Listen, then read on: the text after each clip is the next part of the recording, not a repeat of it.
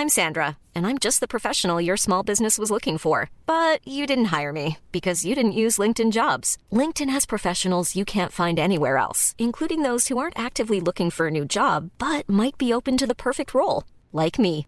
In a given month, over 70% of LinkedIn users don't visit other leading job sites. So if you're not looking on LinkedIn, you'll miss out on great candidates like Sandra. Start hiring professionals like a professional. Post your free job on linkedin.com/people today. There's never been a faster or easier way to start your weight loss journey than with PlushCare.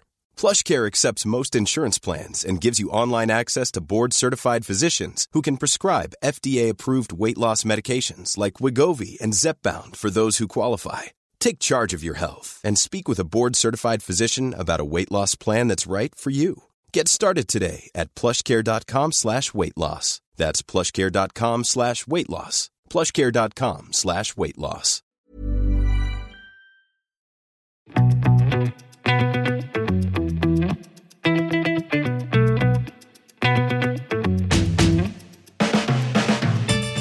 I denne episoden av eh, Klokkelandslaget, en podkast fra Finansavisen i samarbeid med tidssonen.no, skal vi snakke om noe som kan være vanskelig. For hva skal man gjøre når man skal kjøpe seg sin første klokke? Eller ikke nødvendigvis sin første klokke, men når du skal handle klokke, hva skal du gjøre? Og dette her da, tenkte vi skulle være liksom første episoden i en serie vi kaller Startgropen, hvor vi skal sjekke og fortelle og, lære bort litt sånn hacks på hvordan man eh, kan kjøpe klokker, og hvordan liksom eh, man skal eh, forsere, hva skal vi kalle det, klokketerrenget, Jon Henrik? Ja, det stemmer. Gjøre det litt sånn Eller ta for oss litt de enkle tingene og de eh, tingene som man kanskje tenker at alle har kontroll på, men som eh, etter min erfaring jeg får mye spørsmål om, og som egentlig veldig mange lurer på. Ja. For det er mange aspekter ved å kjøpe klokke. Det er som ikke, man, man kunne jo tro at det bare Man kunne ønske at det bare var å gå i butikken og dra kortet. Og det er det jo, kan det jo stort sett Ja, det være kan også. man jo. men men eh, vi vil jo gjøre det litt sånn grundig, da. Vi vil er, gjerne eh, overkomplisere det. vi, vi, gjør det, vi gjør en veldig enkel ting veldig komplisert, som, som klokkeentusiaster Ja, ofte som gjør. seg hør og bør. Ikke sant? Så velkommen til podden. ok, så hvis man liksom uh, tenker seg ok, jeg har uh, fått litt uh, mynt i lommen, og dette brenner, og jeg vil gjerne bruke det på en ny klokke, som vi tenkte skulle være fokuset på denne første episoden da, hvordan kjøpe ny klokke. Nei, da er det jo disse AD-ene som du snakker så mye om, da, som Ja. er uh, autoriserte, eller authorized dealer er det jo AD, men uh, autoriserte forhandlere. Mhm. Og det er egentlig et konsept som er sånn, kan være litt nytt for de som ikke har noe kjennskap til klokkeverdenen fra før. Ja, for det er ikke noe, det er ikke noe likhetstegn mellom AD og klokkebutikk. Hva mener du? Man kan selge klokker uten å være autorisert Ja, forhandler. ja, absolutt, absolutt. Um, og det er jo også litt sånn at uh, vi er veldig vant til å kjøpe ting på nett. Nordmenn er jo flinke til å kjøpe, handle på nett. Handle uh, kjøkken, uh, kjøkkenredskaper og støvsuger og alt mulig rart på nett. Ehm, det er også litt interessant, fordi tradisjonelt så har veldig få klokkemerker vært ehm, tilgjengelig på nett. Eh, og fortsatt, når man googler f.eks. Uh, en eller annen klokke som man har sett at man skal kjøpe, da, så dukker det opp mye, ofte mange butikker, nettbutikker. Og der er det jo sånn, også, også som du sier, da, at det er ikke nødvendigvis det at dette er autoriserte forhandlere. For autoriserte forhandlere, det er på en måte de merkene som har en offisiell forbindelse til eh, de, det klokkemerket, eller de klokkemerkene man selger, i form av en avtale. Det kan være enten direkte med klokkemerket, eller det kan være kanskje via et mellomledd som en agent eller en distributør. Men det er altså aktører, da, som, eller selgere, som er, er eh, butikker som er godkjente for å kunne selge et merke. Og det er jo kanskje litt sånn gammeldags eh, litt sånn gammeldags eh, siderumpa praksis på mange måter. At det er litt sånn og litt, litt uvant for mange at, at, at det er på den måten. Men, eh, men det, det, det gir jo litt utslag i forhold til f.eks. For garanti. Mm. Det kan gi seg litt utslag i service, det kan gi litt utslag i hvilke klokker man faktisk har, er tilgjengelig for kjøp. Um, og det er jo liksom den det, det, det, det, enkle veien er jo det å gå til en AD, som er en autorisert forhandler, som gjerne er en aktør som ja, normalt sett har fys en fysisk butikk. Det kan godt hende de har en nettbutikk også, som vi ser mange f.eks. norske klokke, klokkebutikker har. Eh, men det er liksom en sånn tradisjonell, eh, tradisjonell eh, butikk som ligger i bunnen av disse forhandlerne. Ja. Og så på, den, på den andre siden så har man noe som liksom uh, omtales som gråmarkedet. Ja, for det er jo alle disse andre eh, som selger nye, ekte eh, klokker. Som, eh, som f.eks. har en nettbutikk. Ja, det, det er jo faktisk noen av de også som har startet, eh, startet eh, Fysiske? fysiske. For eksempel i Jeg kommer på i Stockholm, for eksempel. Med, det er en butikk som heter Luxury Watches, som har blitt veldig stor og selger eh, veldig mange klokker. Men dette er altså en gråmarkedsforhandler, som vil si at de eh, selger eh, ekte klokker. De selger klokker som er, eh, kan, kan være eh, altså, nye i form av det at de er nye, eh, ikke pakket opp av boksen, holdt jeg på å si. Men det er altså klokker som kommer, som blir kjøpt via andre kanaler, eller, eller i hvert fall hvor eh, forhandleren ikke har noe off, eh, offisiell avtale med det merket, eller de merkene de selger. Men det er ikke, det er ikke ulovlig å kjøpe en gråmarkeds, grå, gråmarkedsklokke. Det er ikke ulovlig, og det, er, eh, og det kan være fordeler hva skal jeg si, for kundene å kjøpe i, eh, i gråmarked også. For det kan være billigere. Det slår seg som regel ut i pris, fordi sammen med denne, denne gamle strukturen da, med disse autoriserte forhandlerne, så er det jo også litt det at eh, merkene sitter med veldig mye makt. Mm. Det er ikke sånn at kunden er king, holdt jeg på å si, det er leverandøren som er king. Ja. Eh, og det styrer også Nå, nå er det vel faktisk sånn rent uh, juridisk, så er det vel ikke lov til å Vi har jo veiledende priser i Norge. Vi har ikke noe, noe Vi kan ikke sette noe uh, krav om at en, en, en, eh, et utsalg skal selge til den og den prisen som leverandør. Men det foregår jo, det skjer jo likevel. Ja. Altså det at, det at man ser at i praksis så, så setter merkene en veiledende pris, og så for, forholder stort sett forhandlerne seg til det. Eh, Og hvis de ikke gjør det, så kan det ja, bli trøbbel for, eh, for de om de vil fortsette å, å selge det merket. Da, det, vil jo, altså det er mest sånn at mange store merker f.eks. ikke vil ha klokkene sine på salg, eh, eller i hvert fall ikke utenfor en viss range. Ja, og de vil sikkert aldri se, si det direkte, at det er fordi du selger klokkene dine med 20% rabatt, så der vil vi ikke altså forhandle lenger. Men, altså, men det går jo litt hånd i hånd med andre Det det er vel gjerne ikke de butikkene som, som kjører den strategien som Eller de autoriserte forhandlerne som kjører den strategien som nødvendigvis selger mest klokker heller. Så, så men, men altså Rabatter, det er liksom i utgangspunktet et ikke ikke-fenomen hos autoriserte forhandlere. Det er i hvert fall sånn det egentlig skal være. Og så er det i gråmarkedet, der er det ikke bundet av noen, eh, noen relasjon til noe merke eller noe sånt. Så de, der er det mm, supply and demand.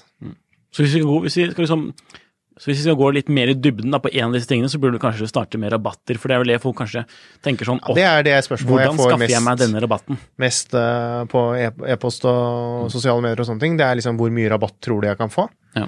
Fordi det er ikke, man, Når man går inn og kjøper en klokke, da, så må det ikke nødvendigvis stå at denne klokken er rabattert for at du skal få rabatt. på sett og vis. Det må ikke være salg. Nei, nei. Du kan gå inn og spørre ok, jeg ser denne her, f.eks.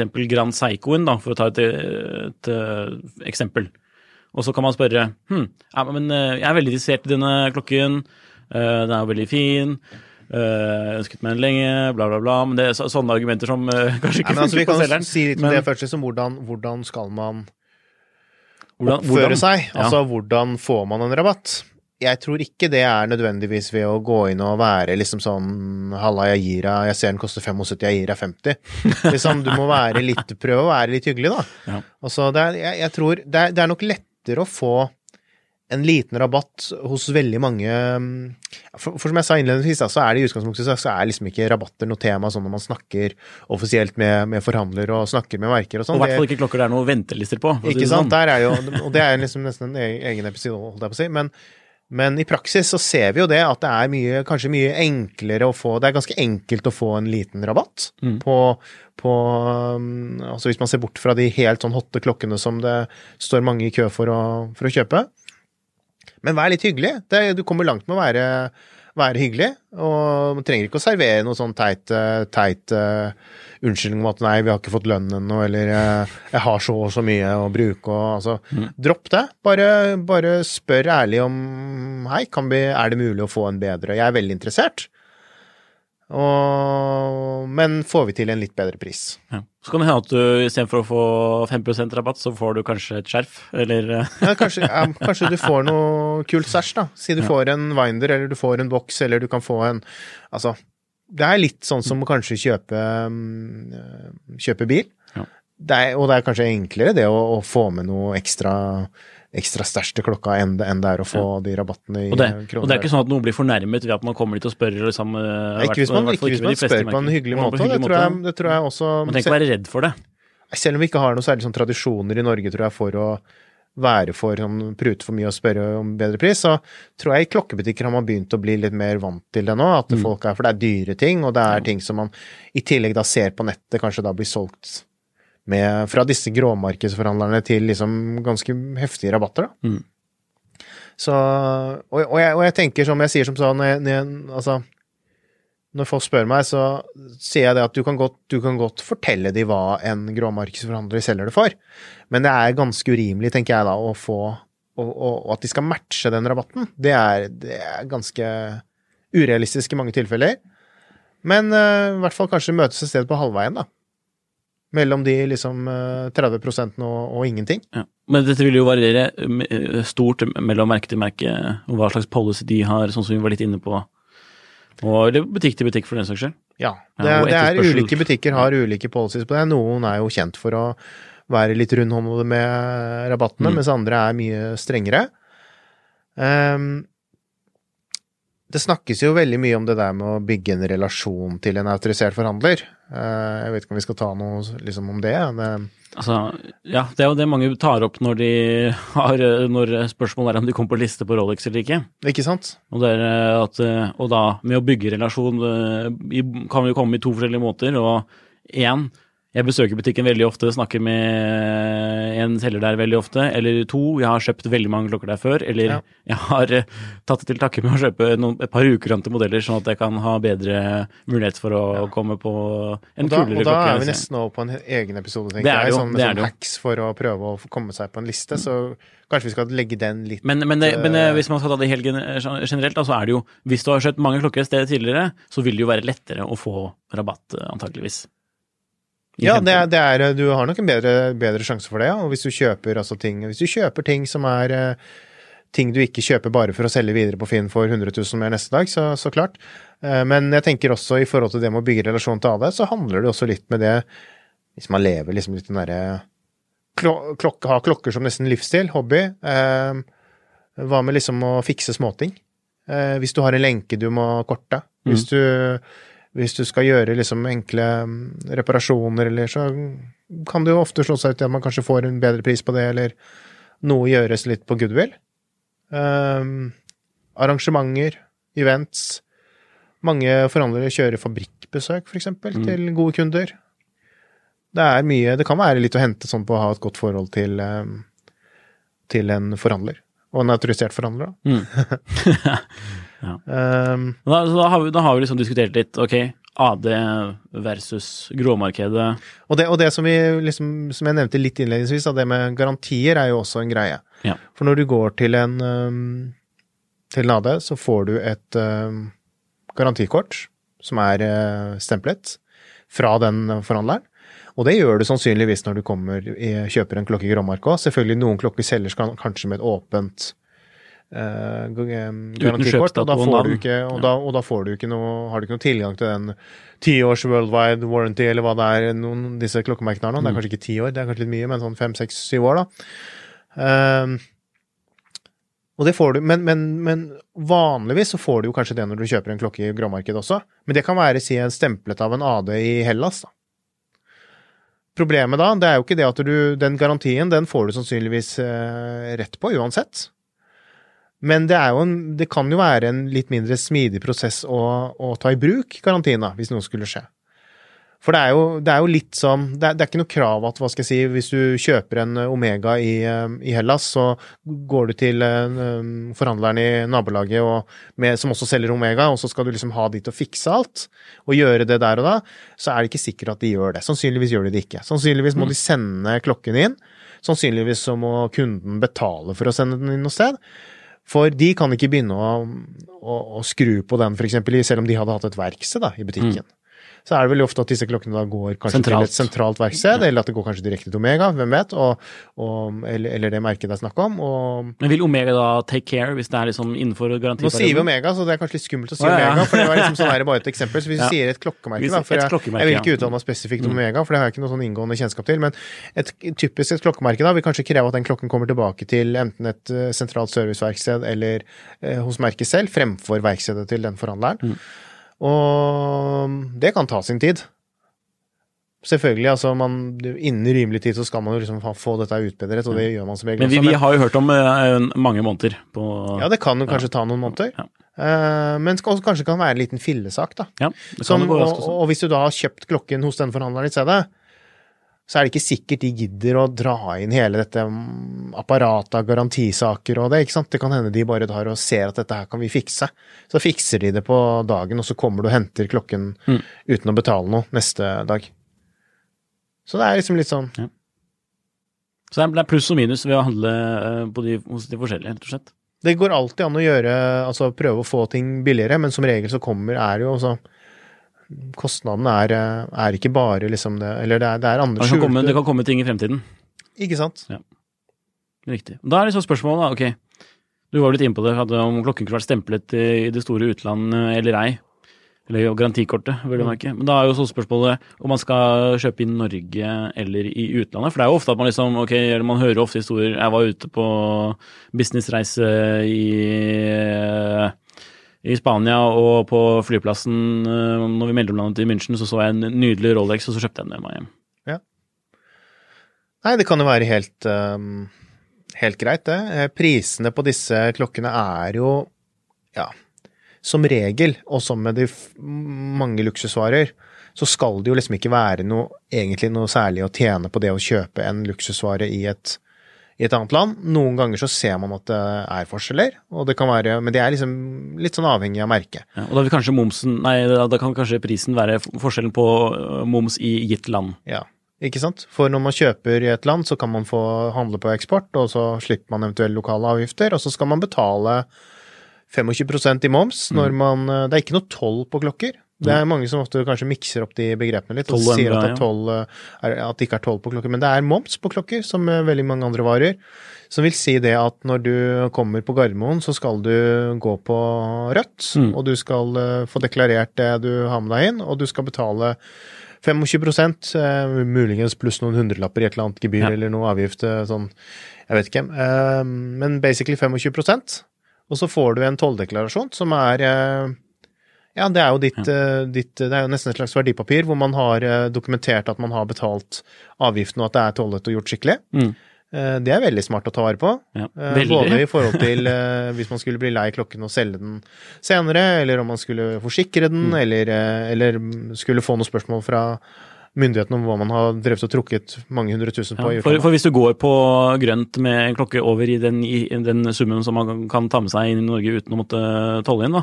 Eller, Jeg har jo hørt om ja. folk som har blitt liksom stoppet, hvordan de har Altså i, at folk Det er tydelig at de vet at denne den personen har, eh, har kjøpt noe kostbart. Uh, nøyaktig hvordan man får tilgang på den informasjonen, den, det er jeg litt usikker på. Men det er jo Man har valutaregisteret, hvor transaksjoner over en viss størrelse blir uh, yep. lagret. Så sånn i teorien så skal det jo være mulig for myndighetene Ja, det er ikke usannsynlig at det blir uh, sjekket, liksom. Så da må man eh, så eh, man eh, nå MVA-en, da. Gjør det. Ja, Vi skal ikke oppfordre noen til å bryte loven. Nei. Jeg vet jo en del andre, når man snakker med dette her i andre Jeg snakker med kollegaer i klokkepresset i andre land og sånn, så bare ler de av oss. Hva er gærent med dere nordmenn som driver og bare er så opptatt av å betale og skatte og sånn, liksom. Men i Norge så har jo det blitt en veldig sånn greie. Ja, og det er, med- egentlig, det er jo egentlig bra. Eller egentlig, det er jo bra. Punktum Ja, ja, finale. For det, man skal jo betale for seg. Jeg er anarkist og vil ikke betale noen skatt, men, men, eh, men når man først har den, den momsen, så ja, du, Men du skrur like over bare mye- forhandlerne og de andre som må forholde seg til den uansett. Ja. Men, så, men tidligere så har det jo ikke vært uh, like mye stort fokus på det. Så man kan jo ikke forvente at man får, har eh, MVA-papirer på liksom en 30 år gammel klokke. Nei, nei, det, det er jo liksom urimelig. Men når man, når man Men- kjøper Vi snakker jo om å kjøpe nye klokker Ja. her. Hvis, hvis du er den som kjøper klokken i utlandet, og liksom går inn, så må man jo Ja. Så lenge man passer på det, så tenker jeg at det er ikke noe problem å kjøpe en klokke hos en forhandler i utlandet. Det være seg en autorisert eller en, en gråmarked. Men det er jo klart at For noen merker må man jo kjøpe utlandet, rett og slett. Noen merker må man kjøpe For utlandet noen har jo ikke såkalt autoriserte forhandlere, eller i det hele tatt noen forhandlere i Norge, f.eks. Oddemar PGE. Ikke sant? Så Men det kan jo være en fordel da, å se klokken hvis man tenker ok, reise på ferie, det er greit, men hvis man kjøper på nett og sånn, det er jo noen ganger en fordel å, å kunne se og håndtere en klokke live. Fordi det, Mm. er, det er noe annet med det å ha den på hånden og det å, å bare lese et spekksheet og se bilder. Tenker jeg i hvert fall. Så, og da er vi kanskje også over litt et annet spørsmål som jeg ser dukker opp en gang innimellom. Det er liksom sånn at folk, hvis man er vant til å kjøpe en mobiltelefon eller uh, en datamaskin eller uh, Du går ikke inn i Apple Store og så sier du jeg skal ha en ny Macbook, og så, og så begynner de også å ta ut eh, kablene på den som står eh, utstilt i butikken, og pakke den ned i esken og, og gi den til deg. Eh, men det kan jo skje i en klokkebutikk. Mm. Det er ikke sånn at de har eh, At disse butikkene har eh, et enormt lager av de klokkene som står utstilt på bakrommet, så de kan gå og hente en Nei. boxfresh klokke. Så det er liksom Så det å forvente det er jo ganske urimelig. Mm. Eh, På den annen side så syns jeg jo at forhandlerne også har et ansvar om å holde de klokkene de har på utstilling, eller det som står i montrene, skikkelig. Ikke behandle det, altså som slenge det rundt og la, la hva skal jeg si, kaste de klokkene etter folk så de skal prøve de, liksom. Men, men som regel så er ikke det noe problem. De klokkene som er i som står i monter eller eh, sånn, det er jo som regel i veldig, veldig god stand og i ny stand. ja, ja. Så, for det er liksom sånn, jeg skjønner jo den forventningen kanskje, da, men, men se for deg Rolex, hvis, eh, hvis, noen har, hvis noen har fått inn en Rolex, og så står den utstilt, og så Nei, jeg vil ikke ha utstillingsmodellen. Da blir det ikke noe klokke på det. Ikke sant? Men Rolex har jo uh, for øvrig startet med sånn der uh, at de har sånne skilt da, på de klokkene som står utstilt nå, sånn der for exhibition only, med andre ord ikke for salg. Stemmer. Så- Egne utstillingsklokker. Egne utstillingsklokker. Ofte da, det kan hende at de rett og slett bare har sånn dummy-urverk, at de ikke er utstilt utstyrt med det engang. Mm. Ja. Men, men. Så er det litt sånn øh, Vi touchet jo litt inn på det, men om det var garanti eller reklamasjon? Om, uh, Ikke sant? Og det er litt relevant i forhold til Norge. Fordi Mm.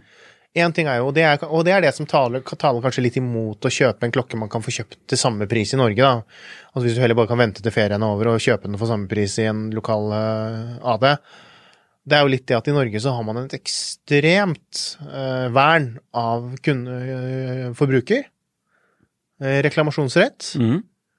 Som vi sier det at hvis det er noe tøys med klokka sånn, så, har, så står man ekstremt sterkt som kunde til å kunne få enten få mm, reparert det, utbedret feilen eller eh, hevet kjøpet. Eh, I praksis så er det jo, blir jo veldig mye av disse mm, sakene i Norge, så er jo liksom det er ikke garantien nødvendigvis som slår inn liksom sånn, eller som man, som man slår i bord med når, hvis man, klokka har stoppet og du kjøpte den for et år siden, liksom, men det er reklamasjonsretten. Det er jo den som liksom For hadde man, Ja. hadde man gått på garantien, så hadde kanskje også, Reklamasjonsretten er mye sterkere enn, den, enn, enn noen garanti som en eller annen eh, klokkemerke kan gi. Så det er jo, og den gjelder jo seg bare da i, i Norge, mm. for kjøp i Norge. Så det kan man jo si er en, og den er på fem år. Så den kan være lenger enn en, enn en typisk eh, Nå har jo klokkemerkene økt garantiene sine, i hvert fall de, mange av de Ja, litt det er jo sånn noen som har begynt med disse ti år til og med, sånn som du touchet så vidt Ja, var det, er det ti år? Ja, ja, men jeg, jeg husker ikke hvem det var, men jeg jeg er rimelig sikker på at det er noen som har som, det, som nettopp Kanskje gikk stort Rolex? ut med Hvis det var ikke det i hvert fall, men Nei, okay. det kan hende at de har det. Ja. Men tidligere så har det jo noen ganger vært liksom to år og tre år og den og sånn, ikke sant? Mm. Men fem års reklamasjonsrett, det er jo Ja. Ja. Så man mye sterkere. Det er godt å vite. Det er godt å Og vite. man må ikke være redd for å, for å være jo, ta det opp.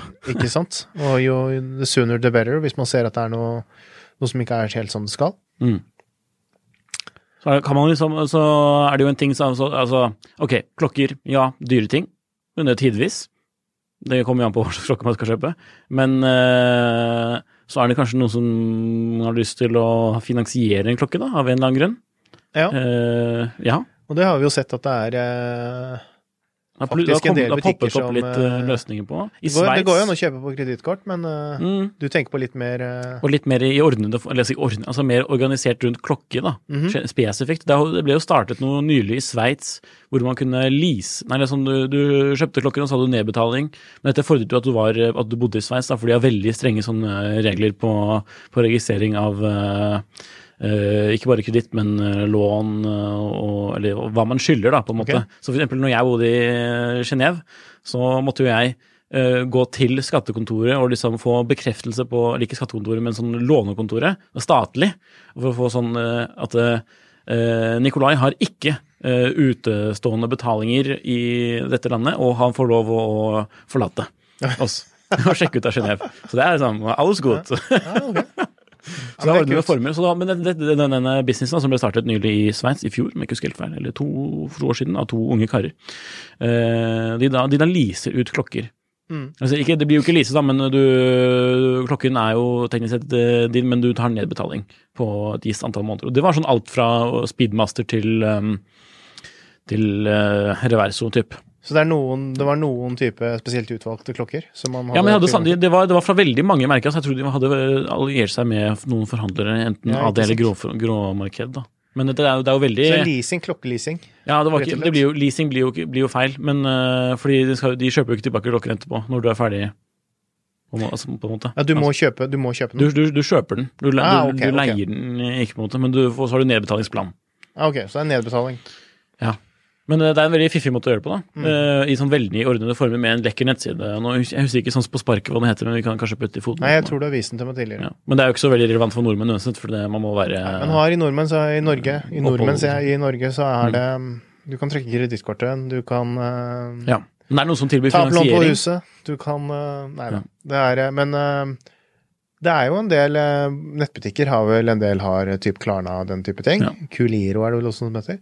Um, Protid-kjeden i Norge har hatt et Protid-kort tidligere, som er et slags sånn kredittkort hvor man kan kjøpe klokker. Men det er vel liksom, vi har vel uh, skøyet litt med det før, og sånn at Ja. det er eh, kjøpe klokker på nå skal vi ikke være noen sånne der Silje Sandmæl, eh, forbrukerøkonomeksperter, eh, luksusfellen, men altså, det sier seg litt selv at kjøpe luksusklokker på, på, På krita. krita. det er liksom ikke kanskje det man vil Det lønner seg kanskje ikke. For, men for i eh, det store og det hele så er jo dette, dette objekter som ikke stiger i verdi.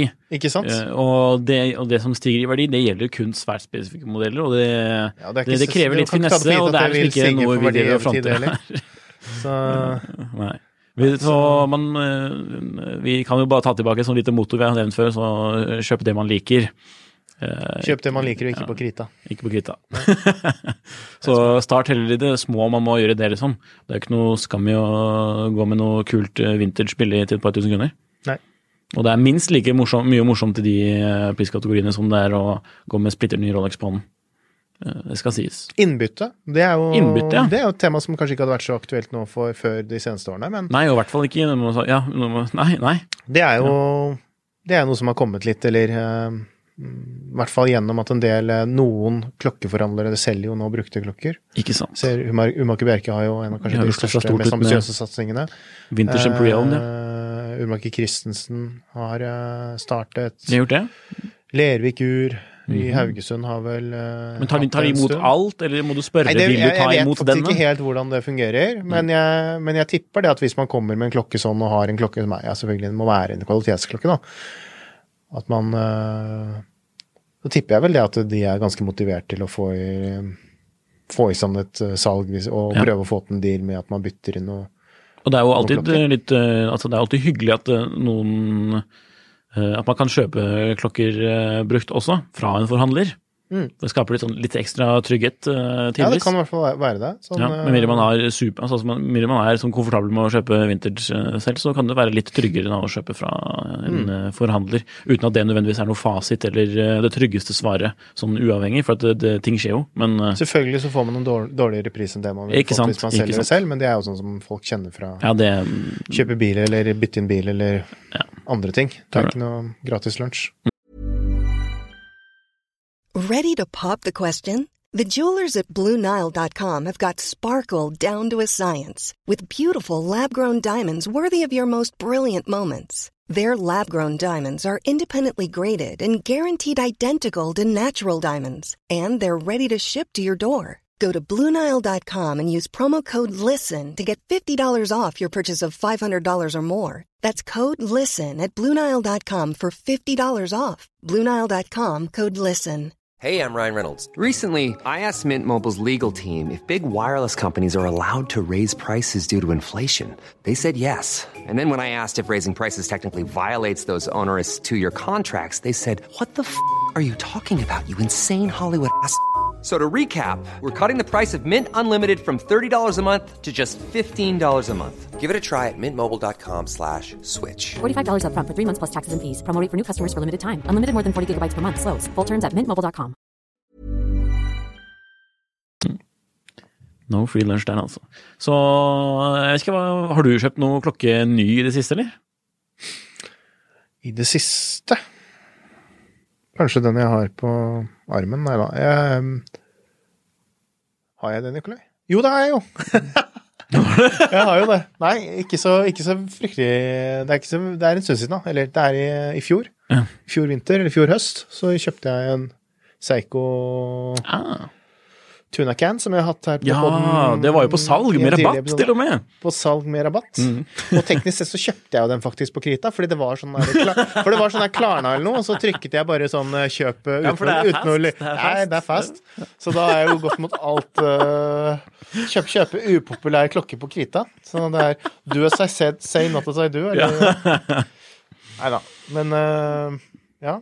Den, du, den, hadde, den har du jo vist i en tidligere episode her, men Den eh, den, er, den er fet, altså. Jeg, jeg liker en eh, bra tuna can. Cool. det er, Men jeg, eh, jeg, jeg tror ikke jeg har kjøpt noen ny klokke ever. Jo, det har du. Ja, men ikke sånn teknisk sett, da. Men eh, kjøpt- ja, ja, altså, ja, altså, ja, det har jeg jo. G-Shock. Det, det har jeg Freshe. G-Shocks. Ja. Og så har jeg kjøpt um, Lurer på min, min uh, Men kjøpte ikke du en sånn du en sånn uh, Bulova? Bulova, ja. Nei, men den var, den var det noen andre som hadde kjøpt og, og momset inn uh, før meg. Å, ja. Så den var ikke splitter ny, men den var ganske, ganske ny. Det var en måned eller noe sånt. Mm. Ja. Men den er jo videre nå. Den er det min far som eier nå. jeg drev jo og preachet stort da, om at jeg hadde jeg kjøpte en av disse nye Bulova Mealships uh, reeditions, som var en sånn reedition av Åpenbart en reedition, bla, bla, bla. Men av en, en, eh, en gjenskapelse av en uh, modell som Bulova sendte inn til en sånn eh, forsvars... Uh, en testing foran en forsvarskontrakt på 50-tallet, om jeg ikke husker helt feil. Som de aldri gjorde noe med, da. Så nå har de liksom, var det en samler som fikk dem til å produsere den. Og så ble den øh, lansert nå i fjor. Så, men øh, den er veldig spesiell, altså. Så, ja, det var, det, jeg liker jo sånne vintage-ting, men er liksom, jeg, da vil jeg heller kjøpe en som er gammel, fremfor ser gammel ut. Som er øh, min konklusjon der, da. Det, det gir Kan oss ofte, være, kan ofte være billigere òg. Ja, Og det er jo det som er litt ja. funny. For, for eksempel med Senidify, da, den nye reedition -hmm. der som vi trakk fram med noen tidligere episoder siden også. Eh, som eh, um, Og det er ikke bare det, det er veldig ofte så Ja. altså, ser man, har man begynt å se litt, for nå har liksom alt blitt så åpent og internett og mange handelsplattformer og sånn, at man ser kanskje litt tendenser til når de relanseringene har kommet, så spretter prisene opp på, Mm. på de gamle. Men eh, man har i hvert fall litt sånn en uke, en uke eller to etter en lansering, så Og hvis man syns den er dritkul og det er noe man har lyst til å eie originalen av, så er det som regel mulig å oppdrive den. Det er det. det er det. Og så finnes det, jo- det, det finnes jo flere og flere vintage-forhandlere i Norge, som vi var inne på allerede. Ja, og det kan vi kanskje ta litt om når vi kommer på litt Ja, for det- det en egen- kjøp av brukte klokker. Ja, Det er en egen episode. En ting jeg tenkte på nå, det er jo litt Mhm. det der med mm, leveringstid og Ja. bestille opp og ventelister og, og sånn. Er det For hvis man begynner med klokker nå, eller har, har begynt å komme inn i hobbyen nå de siste par årene, mm. så skulle man jo tro det at det er ventelister på alt som er. Det er ventelister på Rolex, det er ventelister på Cartier. Yep. Det er ventelister som er liksom Samtidig, helt og- absurd, men og det er eh, Nei, øh, ja. har vært ventelister på Tudor, det har vært ventelister på ja, veldig mye. Mm. Og veldig Zenit har det vært ventelister på. Altså, shit. Men det er ikke sånn, det er ikke sånn fryktelige ventelister på Tudor og sånn eh, lenger, som jeg forstår helt Nei, ikke sant? Det, er, det er det sånn- og det- og det er jo det der, som men er- Rolex er jo fortsatt helt kanakas, da. det er det som er fasit, da. At som regel så er det ikke veldig mye ventelister. Nei. Uh, jo, det kan være bestillingstid på noen klokker, rett og slett fordi forhandleren kanskje ikke har tatt det inn. Nei, de kan, De pleier jo å kjøpe inn klokker i, i vendinger, altså i store, mm, store innkjøp, bestille opp i forbindelse med messer og sånne type Ja. ting. Så må de kanskje bestille opp fra leverandør, og så er det ikke sikkert at den klokka ligger nødvendigvis klar på et lager i Europa eller, eller i Sveits, Mm. men at det kanskje er litt leveringstid, da. Ja. Så det er jo sånn man må mm, regne med, og i hvert fall hvis det er kanskje litt mer eksotiske ting. Jo, yep. jo mer mainstream, jo enklere er det å gå og se på det i butikk, jo, jo mer uh... Og det å se på det i butikk, da, det må vi ta opp. Her er, det jo, er man nysgjerrig på en klokke, så da må man dra til butikken, altså. Ja, dra og prøve, ikke være seg i butikken. Det er noen ja. folk som Men du, du var inne på det også. Vær, vær noe hyggelig og Ja, altså, og, det, og, det, og det er noe som jeg, jeg blir bare så oppgitt noen ganger når jeg ser på jeg vet ikke hvor jeg ser det, men på Facebook og diverse steder. da, At det liksom folk Å nei, ble, de vurderte meg fra, fra skoa opp, og liksom de Ja. bare Og de ville ikke gi meg noe hjelp, og liksom Altså, OK. Gra, altså kundeservice, så klart. Det kan variere mellom butikk og butikk, men det kan også variere kan veldig mellom hvem man møter på ansatte. Og, og også om de har en god eller dårlig dag. Selvfølgelig så ideelt så skal man yte god kundeservice uansett og være kjempeblid Men det er, vi er mennesker, det er ikke sånn det fungerer. Uh, men som kunde så kan man jo gjøre litt uh, Vær hyggelig, da. Ja. Selv om man kommer inn i overhalsen med oljeflekker og altså Ja. Whatever. Det er, det er noen som man det er- det er sånn man kjøper Rolex i det er noen idioter da, som hevder at nei, men du skal, du, du jo, hvis du skal få respekt, så må du jo komme inn der og vi, liksom bare vise de respekt ved å liksom pynte deg litt og liksom ja, Men herregud, altså. Ja, Dropp det, da. Men altså, vær, eh, kle deg i det du vil, med å, og, og, men vær hyggelig. Si, si hei, da. Og så man, Og man må tørre tørre å spørre om hjelp også. Ikke Ja. sant? Og det er, tror jeg er litt sånn nordmenn, da. At man er litt sånn, litt sånn stille og litt sjenert og liksom har ikke lyst til å være til bryderi og vil ikke ha liksom litt sånn Men de fleste, de fleste altså, klokkeforhandlere, det er altså, det tilnærmet alle, er jo Ja. de er veldig glad for å kunne vise det. ingen som, også, Man kan, tror kanskje at det er sånn fryktelig øh, kjøpspress, at du, bare fordi du kommer der for du vil prøve en øh, kvarter, så må du liksom gå Og det til det. Det, det stemmer ikke. Det er, spør om du kan få lov å prøve. De Viser verste, verste svaret du kan få, er at du kan, de kan si nei, sorry, vi kan ikke fordi den er eh, bestilt bort til en kunde, eller Ja, ja, liksom, Og det er jo sånn Men uh, Vær hyggelig, si hei. man, vi kan ikke øh, understreke nok viktigheten av å dra og prøve klokken også. Ikke sant? det er litt sånn hit or miss å kjøpe klokke på nett. Så mange overdriver kanskje til en veldig Også- stor grad sånn størrelse på klokker og sånn. Også ikke men- vær, vær så snill, ikke vær den Prøv. personen som går inn i klokkebutikken og som har lest seg opp på nett, og så skal man liksom prøve å sette på plass og arrestere de, de ansatte i butikken. For det er noen sånne smartinger da, som liksom skal være det, og så, og så kaster de seg over tastaturet når de kommer hjem og sier å, den butikken har dritdårlig service. De kunne jo ingenting. De visste jo ikke at den referansen fra 70-tallet ikke hadde det og det og, og Ikke sant? Altså jo, ok, Jeg er enig i det at ansatte i klokkebutikker de må selvfølgelig kunne litt om det varene de selger, men selvfølgelig så vil det alltid være kunder som kan mer enn de som står der. Mm. Men så lenge de som, de som står i butikken er ærlige og sier nei, sorry, det vet jeg ikke, men la meg spørre en kollega ja. som vet eller, eller vet hvor de skal Sjekke. finne ut av det for deg, eller la meg komme tilbake til, til deg med det, Mm. og sånn, så er det ikke noe grunn til å være noe misfornøyde av kundeservicen av den grunn. Men vi kan fortelle om en sånn liten hack, da, hvis man ikke er den som er sånn veldig keen på å gå Det kan jo hende at man ikke er så keen på å gå og har lyst til å gå ut og spørre i butikken, da. For det, altså, vi er jo mennesker, og alle er forskjellige. Mm. Da er det jo en ø, store muligheter her, for de aller fleste klokkemerker, uansett de største, om det skal være så, så være Panerai eller Vacheron, så kan du gå inn på nettsidene deres og bestille katalog gratis, sendt i posten hjem til deg, selv i Norge. Så det er en liten Har hack. de det ennå? Ja. Part, øh, Panerai, for Nei, jeg eksempel. synes Hvis man er så, Panerai hvis man er så sjenert at man ikke Ja, men tør altså, å gå uansett, inn i, tør å gå inn i klokkebutikken og skal spørre, da syns jeg det er bedre så Nei, det der syns jeg ikke noe om. så da skal de sitte hjemme, hjemme på gutterommet og, og bla gjennom katalogen. Og så det er kult med en gang, en dag skal jeg ut og, og prøve øh, klokken. Ja, ja, men dog.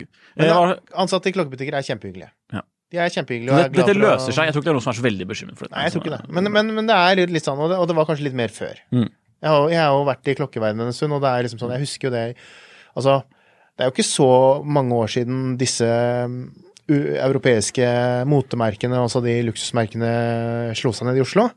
Så man har jo liksom ikke noen sånne veldig tradisjoner i Norge for å ha den type butikker hvor man kanskje føler litt sånn at det er en litt annen atmosfære da enn å gå inn på Cubus. Så, så, så det er eh, Så jeg, jeg skjønner den litt. Og kommer man fra en liten bygd i Norge, og så kommer man inn til Går ned i kjelleren til Mark Bjerke, liksom, så skjønner jeg at det er en annen atmosfære enn det er, enn det er liksom det man er vant til. Men, men Ja. altså Folk er hyggelige. Mm. Det er bare å være, være seg sjæl, som det heter, og, Ja. Og vær trivelig og, og stille med åpent sinn og stille spørsmål og Ja. Det er det beste kjøpstipset, egentlig. Ikke sant? Er, er det? Det er kanskje litt enklere å få rabatt også, hvis man er en jovial og jo, jo, behagelig. Behagelig type.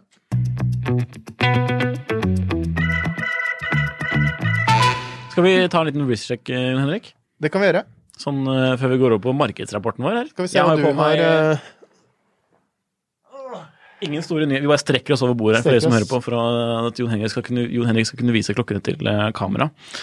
Um, tja, jeg har som vanlig på meg denne IWC-dobbeltkronografen. Ikke så nytt der. Tre, Åh, nå glemte jeg akkurat referansen her. Men det er altså 3717? 3717 Nei, nei, nei. nei. 37 13. 15. Vi har ingen kontroll på klokka. Jeg, jeg mener det er 37, 37 13, og så er det origin, originalen. Nå skal jeg ikke Ja. kaste klokken din under, under eh, bussen her, men det er 3711 er vel eh, Ja, for dette er oppgraderingen med safirglass er- og ikke radium, eh, ikke farlig lum. Ikke Du får ikke kreft. Fritt, ja. Så enkelt og greit, hva har du? Jeg har på meg En G-Shock. Nei, ikke si det. Oh, ja, okay. Nå skulle jeg si Nå skulle jeg få deg til å gjette, og så skulle jeg si den har eh, den er, For meg til å vite, eller lytteren til å vite? Ja, jeg kunne få lytteren til å vite òg. den har oktagonalt B-cell. Ja. Men jeg, har, jeg, jeg har jo Integrert lenke. ja. Oi, nei, det, det, det er, Royal eh, Oak. Ikke sant? Du har litt sånne Er ører. Du har, du har ører på to sidene av Ører? kassen. Og da må det jo være den nye Ja, Kunne jo vært en, en Hublå. Skal vi se. Vi den. Ja, det er G-sjokken. Men den er jo ikke som alle andre G-sjokker, for den er jo i titan. Det er eh, Ja, det var vel den første, eller en av de første G-sjokkene i eh, titan, for det kom en Mm. søskenmodell til denne her samtidig. Ja. Det er et par-tre år siden. Og så kom det jo noen nye nå, relativt nye lygge også. Ja, nå har, de jo, nå har de jo gønnet på med, med masse Ja. forskjellig metall og stål og titan. Men det er dette denne med litt sånn kamo-mønster på? denne har litt sånn lasergravert kamo-mønster. Fifi. Og så, så er jeg egentlig kjent som liksom den skitdyre G-sjokken når den kom. For den var jo sånn type eh, Ja, en god del uh, tigangeren av en vanlig Ja. tilsvarende G-sjokk med nesten tilsvarende funksjoner, holdt Mm. jeg på å si. Så det er litt sånn kul. Limited, eller som, som Casio ofte gjør, da, så har de De kaller det for limited. Men det er ingen som vet eh, hvor mange de egentlig lager. Fordi det er bare limited. Sannsynligvis det at de kjører ut en batch, og da er de, da er de ferdig, liksom. Mm. Eller, eller setter opp produksjonslinje, og så kjører de en periode. Og så er det kanskje litt etterspørselsdrevet, så jeg vet ikke. Og så bare stopper de, og da skal de ikke tilbake og sette opp produksjonen igjen. Så det er litt sånn funny, da. Hvem vet hvor mange det er? I motsetning til liksom de sveitsiske merkene, som ofte liksom setter en av, bak, en av og 3000, graverer på bak, bak på kassen. men det er faktisk litt sånn, det har jeg tenkt litt på, for um, var det ikke Du er jo litt sånn bilfyr. Var det ikke um, Ferrari F40 som man sa det ble laget så og så mange av? Ja, ingen kjennskap til. Og så um, Det var en Ferrari, jeg tror det var F40, som de lagde, sa de skulle bryr meg bare om Volvo, jeg vet du, så det så og så mange av, og så viste det seg når man begynte å, man begynte å telle opp, da, at det var jo mange flere enn det de Mm. Ja. sa. Så spørsmålet er liksom Jeg lurer på om, det, om man har sett noen tilfeller av det i klokkeverdenen også, men jeg har ikke klart å finne noe, noe Det er alltid sånn der, liksom, med gamle Patek og sånn, at man liksom tror at dette er, dette er antallet som ble produsert, men så kjenner vi bare til tolv, eksempel. Ikke sant? Eh, Men jeg har liksom ikke hørt så mange at, eh, at det er- har gått over, da. Nei, Det er flere enn man tror, men det, det kan jo forekomme, det. kanskje. Kanskje. Ja, mulig. Men dette er jo, altså, apropos vintage, altså, det er jo en veldig bra eh, overgang til uh, vår faste spalte Markedsrapport. Våre heteste kjøpetips, kjøpetips og viktigste hendelser i klokkeverden, som er verdt å sjekke ut. Det er tagline, i hvert fall. Det er tagline. For vi følte, Det var noen som følte at vi skulle kanskje konkretisere hva markedsrapporten var. Eh, hvis, hvis man syns at den eh, tidligere spalten har vært kanskje litt vag. Nå er i hvert fall det det som er eh, taglinen. Eh, skal, jeg ta, skal jeg starte? Ja, du kan starte. Jeg har jo hatt et sånt Jeg skrev en artikkel om at jeg føler at det er et, sånt, øh, et slags øh, litt sånn taktskifte hva gjelder øh, form øh, i hva klokkeentusiaster syns er kult, eller også hva den gemene klokkekjøperhop syns er kult.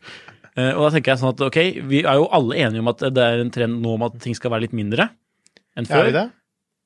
Generell, på generell basis. Ja, men det tror jeg er sånn Det tror jeg blir litt, det, det tror jeg er litt sånn norgesentrisk syn, fordi Ok, men, uh, Men la ok, meg- ok, ok. Det, er, det er helt det er, nokså er nokså irrelevant, skjønner du. Okay. Og jeg tenker at ok, nå er, folk har blitt litt mer åpne for å, for å kjøpe litt mer quirky klokker. I hvert fall i den eh, Ok, så da er jeg jo helt ute å kjøre. Men i hvert fall, hvert fall eh, jeg, okay, jeg er prøver, jeg er prøver å spotte litt trender her. Det er ikke sånn at det er en stor trend. Jeg sier at dette er en, kanskje muligens en snever trend som jeg tror vil bli større. Ja, okay, det er okay, det som er konseptet. Og da tenker jeg quirky klokker, men også da nødvendigvis som kanskje er litt mindre, men som kanskje var veldig dressy før, og kanskje er litt dressy nå. Men da tenker jeg litt sånn Rolex King Midas, uh, Crash fra Cartier, som har vært steget i gigantisk popularitet de siste to årene, muligens, og, og prisene Var det på det som Kanye auksjons- West hadde? Kanye West har begynt å rocke det, og Tyler the Creator, for eksempel. Så, og Tyler the Creator, by the way, har en skikkelig bra Cartier-samling, og Piaget. Eh, verdt å sjekke Han ut. syns jeg for øvrig er en ganske artig type. Han er veldig kul, jeg digger han. Og um, John Goldberger, som er en velkjent klokkesamler, og som burde følges på Instagram for de som ikke gjør det allerede. Han tok jo bilde av uh, Tyler the Creator på en auksjon hvor han viser fram Hva var det han viser? Jo, en Cartier Crash. Nå til dags koster jo Cartier Crash millioner, millioner, millioner. Og så Siste gang én solgte på auksjon, så tror jeg det var jeg, jeg, Mulig jeg dumma meg helt ut her, men syv, mellom syv og ti millioner Sotheby's som solgte i fjor. Eh, Et, et, et, eksemplar. Dette er en klokke som har blitt produsert i veldig få opplag sånn eh, i det store og det hele, selv om den har vært eh, siden 60-tallet. Uh, ikke husker helt feil. Men de kjørte en re-edition nå for ikke så mange ja, men det er i privé-kolleksjonen, ja. Eh, som er veldig limitert. Og du, de, du, kan alltid, du kan alltid spørre om du kan få bestille en uh, Piece Unique, eksempel, eller noe Ah, sånt. ok. da. Eh, men det, dette er jo for Men for eh, jeg som ikke er men- så opplyst på det, den, den, um, den som kom for noen år siden i privé kolleksjon, Ja. var det Den var, den var skeletonisert. Eh, det på Men var kassen og sånn, var det, var det originalt fra som det har vært tidligere, eller var det, det, ikke helt nytt, uh, helt Nei, nei. nytt uh, Nei, kassen har, følger jo den vanlige, altså denne, denne crash-formen. Ja. Ja, La det ikke være noen tvil om det. Så den ser jo sånn Men var den den- størrelsesmessig lik de som har vært før? Den er størrelsesmessig representabel, for det, størrelsen har jo variert. Ja, ok, ikke sant. Mm. Og jeg tror det er litt sånn der at så altså, På ny- et visst det- tidspunkt så kunne du liksom bestille en sånn, i den størrelsen du nesten hadde lyst på. Så jeg mener det var en helt, det, det var en helt ny referanse, sånn Ja, teknisk sett referanse, ja. ja, ja det, det vil jo Men det, altså, jeg tror ikke det, er altså Altså, det er ikke noe Av hver, sånn, av hver av disse små eh, versjonene så er det jo liksom ikke snakk om mer enn et par hundre Ikke sant? Ikke sant? Ja, at, at best. At most, blir det riktig å si. Men poenget mitt, da, var at eh, slike klokker som den, og der hvor Cartier Crash er led for eh, interessen på auksjon, kan reflektere den, eh, en større trend i markedet at large når det gjelder nye klokker også. Og den klokken som jeg driver og titter på nå, da, den er jo ikke nødvendigvis liten, for den egentlig er den ganske stor. Men Piaget tok for noen par år tilbake tok en sånn De har bokstavelig talt kalt den det tørreste navnet ever, men de kaller den Vintage Inspiration Watch. og det er en reedition av en veldig sånn, en sånn Når var det den en kom? Litt sånn eh, 14 eller noe sånt, tror jeg. 2014. Jeg husker ikke helt, sorry. Men Se eh, for deg det, det er sånn komité av dresser, sveitsiske dresser, med Ikke ødelegg- ikke ødelegg romantikken. Hva skal vi kalle klokken? Ikke ødelegg Hva er det for noe vi kaller den for? Vintage Inspiration Vintage Inspiration Det er faktisk det tørreste navnet jeg har hørt. Men klokken er helt nydelig. Det har ikke sett. Det, det, er- det, det, eh, det kan ikke ha vært, eh, den har ikke vært veldig populær, tror jeg. Men eh, den, den, liksom, den kjører en sånn form som jeg tenker kommer til å bli enda mer populær i fremtiden. Og jeg har veldig lyst på den, men den er jo utenfor pris eh, Altså hva min lomme rommer, holdt jeg på å si, man kan si det sånn. Så det er Ja, men like så fremt, det er noe jeg ser på, da. Det samme gjelder eh, sånn vintage Piaget også. Mye veldig bra sånn ultrafin, um, altså veldig tynne klokker, dressklokker, firkantede, ja, oktangul der ser jeg for meg at det også er mulig å få ganske mye klokker for pengene. Det stemmer, men som, altså, som jeg eh, prøver å få frem, da, at jeg, dette kommer til å bli mer populært. Det er jeg 100 sikker på. Mhm. Og spesielt, Du kan jo bare se det på Rolex King Midas også, at den er gryende. En klokke som eh, er totalt ulikt alt annet Rolex har gjort og gjorde før. Så, og kommer til å gjøre, for den saks skyld. Så det er eh, verdt å sjekke ut. Rolex Kiminas er jo en sånn veldig fiffig kvartsklokke som Rolex produserte for eh, 40-50 år siden. Eh, som kom i da en sånn lærekrukke som så ut som en sånn antikkens eh, krukke. Eh, veldig fiffig. Med parfyme av alle ting. Eh, sånn veldig, veldig ulikt uh, Rolex integrerte lenke, gull, hvitt gull. eh, og så mye sånne, sånn, etter hvert med sånne lapis hvordan, Lasuli. Ja, eh, skiver i blått. Veldig fiffig. Veldig fiffig. Mm, Så det er eh, det jeg ser på for øyeblikket. Og selv om du kanskje ikke delte akkurat den fremtiden jeg eh, snakket om der, så jeg, jeg tror at det kommer til å bare stige i verdi og interesse. Ok. Slike ting. Ja, Så ja, så får du heller lese artikkelen. Bare se. Nå kommer det med sånn motsvar i en senere spalte. Nei da. Men eh, ok, jeg tror, da har vi, nå har vi snakket eh, mye om hvordan man kjøper en ny klokke. Pluss litt uh, vinters, da, innpå på, her. Jeg har en markedsrapport, jeg også. Du har det? Ja. Bring it to me. En mark jeg har ikke en rapport, jeg har en eh, oppkjøpskandidat. Du har en oppkjøpskandidat, ja. Leona Heritage. Sånn apropos hva vi har skrevet om i det siste. Ja, nå vet vi ikke helt uh... Men altså, de, på den tid som dere lytter nå, så kan man lese artikkelen om denne klokken, da. okay, Som du har skrevet. Ehm, det er et finsk ehm, det, er, det er litt sånn rart, for det er et eh, merke som eh, har vært i Finland i veldig mange år. I over 100 år så har det vært klokker med denne løvelogoen og det navnet Leona på skiven. Så det er et sånt uh, veldig finsk fenomen. Uh, jeg tror hvis man går til De hevder selv, og det kan jeg ikke Nå har ikke jeg snakket med så mange eh, finner om det, men Ehm, Det skal være liksom det, et, et merke som veldig mange finner har et forhold til. For det har ofte vært et um, førsteklokke til mange generasjoner av, um, av finner.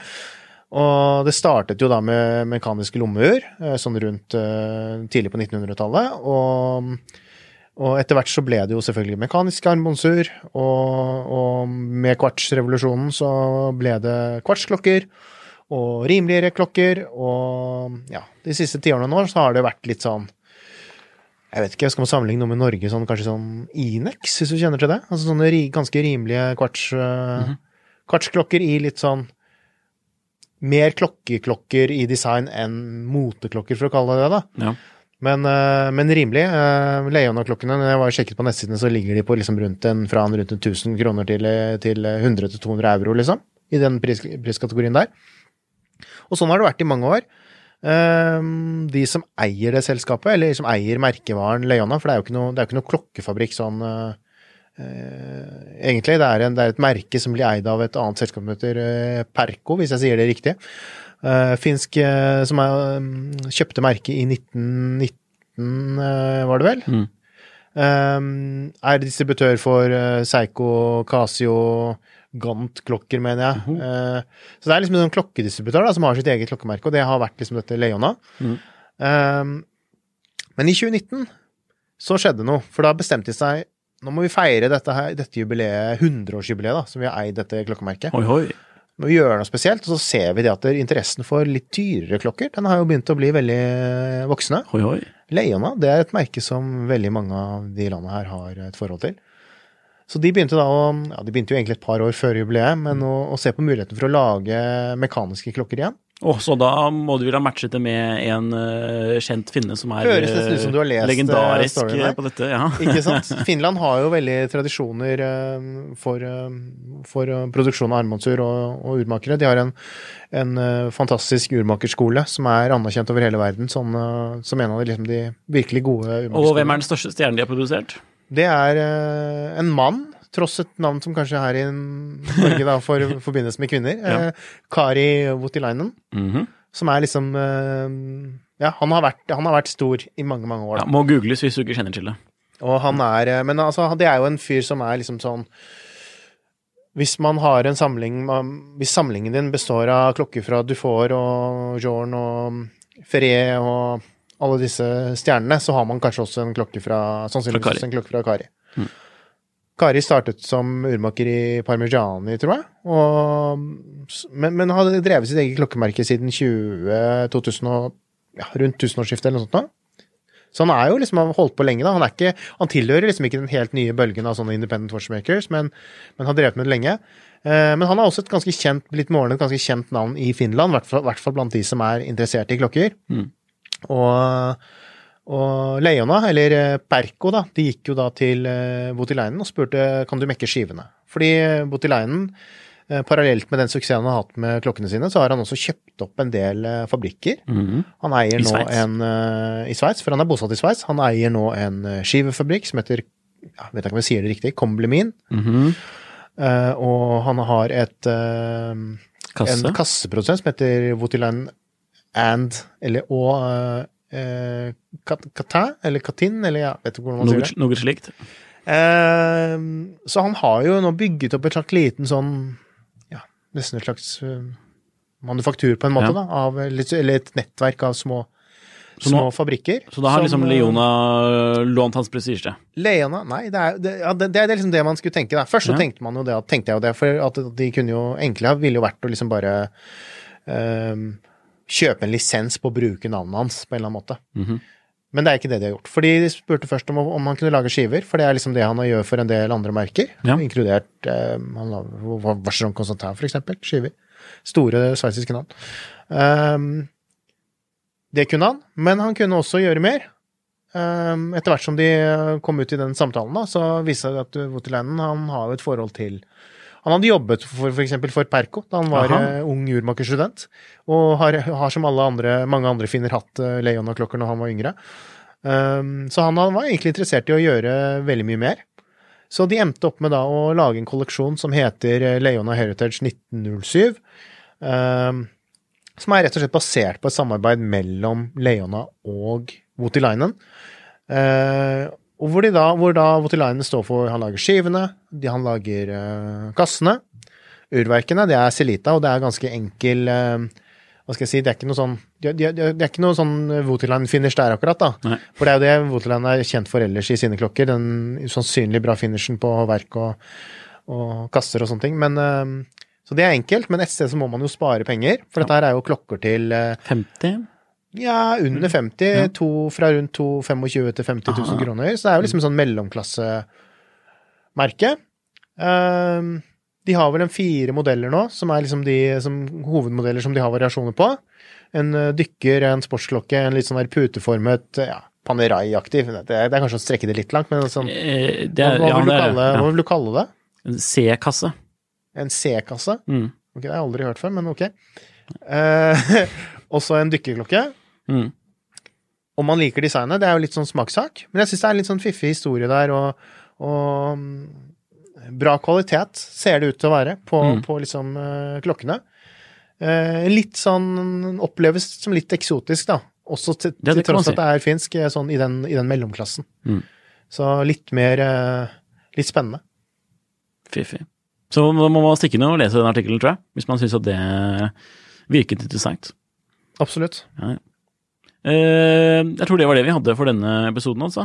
Det var jo litt om hvordan man kjøper nye klokker, pluss litt attåt. Syns jeg vi også skal oppfordre til å få mer eh, spørsmål. Ja, vi vil gjerne ha inn lytterspørsmål. Send inn til nikolai.gil.finansavisen.no, eller til meg eller Jon Henrik på det store sosiale mediet eh, Instagram, eksempel. Ja. Så løser det seg. For det er jo en spalte vi tenker å introdusere i fremtiden, når vi får disse spørsmålene. så send dem inn. Og så vil vi naturligvis eh, spørre om dere kan abonnere på podkasten, for det er veldig Like viktig for oss. dele like, dele og snakke. Det er viktig, sånn at Ja. vi får til å fortsette å drive med dette. Ja, vi vil gjerne fortsette å gjøre dette. Og dette her er jo altså en ukentlig klokkepodkast, og det, det er kult. På norsk. Det er kult. Så takk for at du lytter til Klokkelandslaget, en podkast fra Finansavisen i samarbeid med tidssonen.no. Du finner jo oss der du hører på podkast, åpenbart, for du hører jo på oss allerede. Men vi vil gjerne tipse om de andre podkastene til eh, Finansavisen også. Så vi har f.eks. vinpodkast, kunstpodkast, bilpodkast, Mil etter mil etter den. Eh, Så gjør nå det, og så registrer deg på tidssonen.no eh, og bli med i diskusjonen. Det må sies. Absolutt, og still gjerne spørsmål der, der også. Ja, for all del. For der, har vi, der kan jo er det mange vi er moderne folk som tar imot uh, spørsmål i alle, eller kommuniserer i alle kanaler. Ja. Så det er også Facebook-gruppe tidssonen.no. Takk for at du hører på. Fantastisk.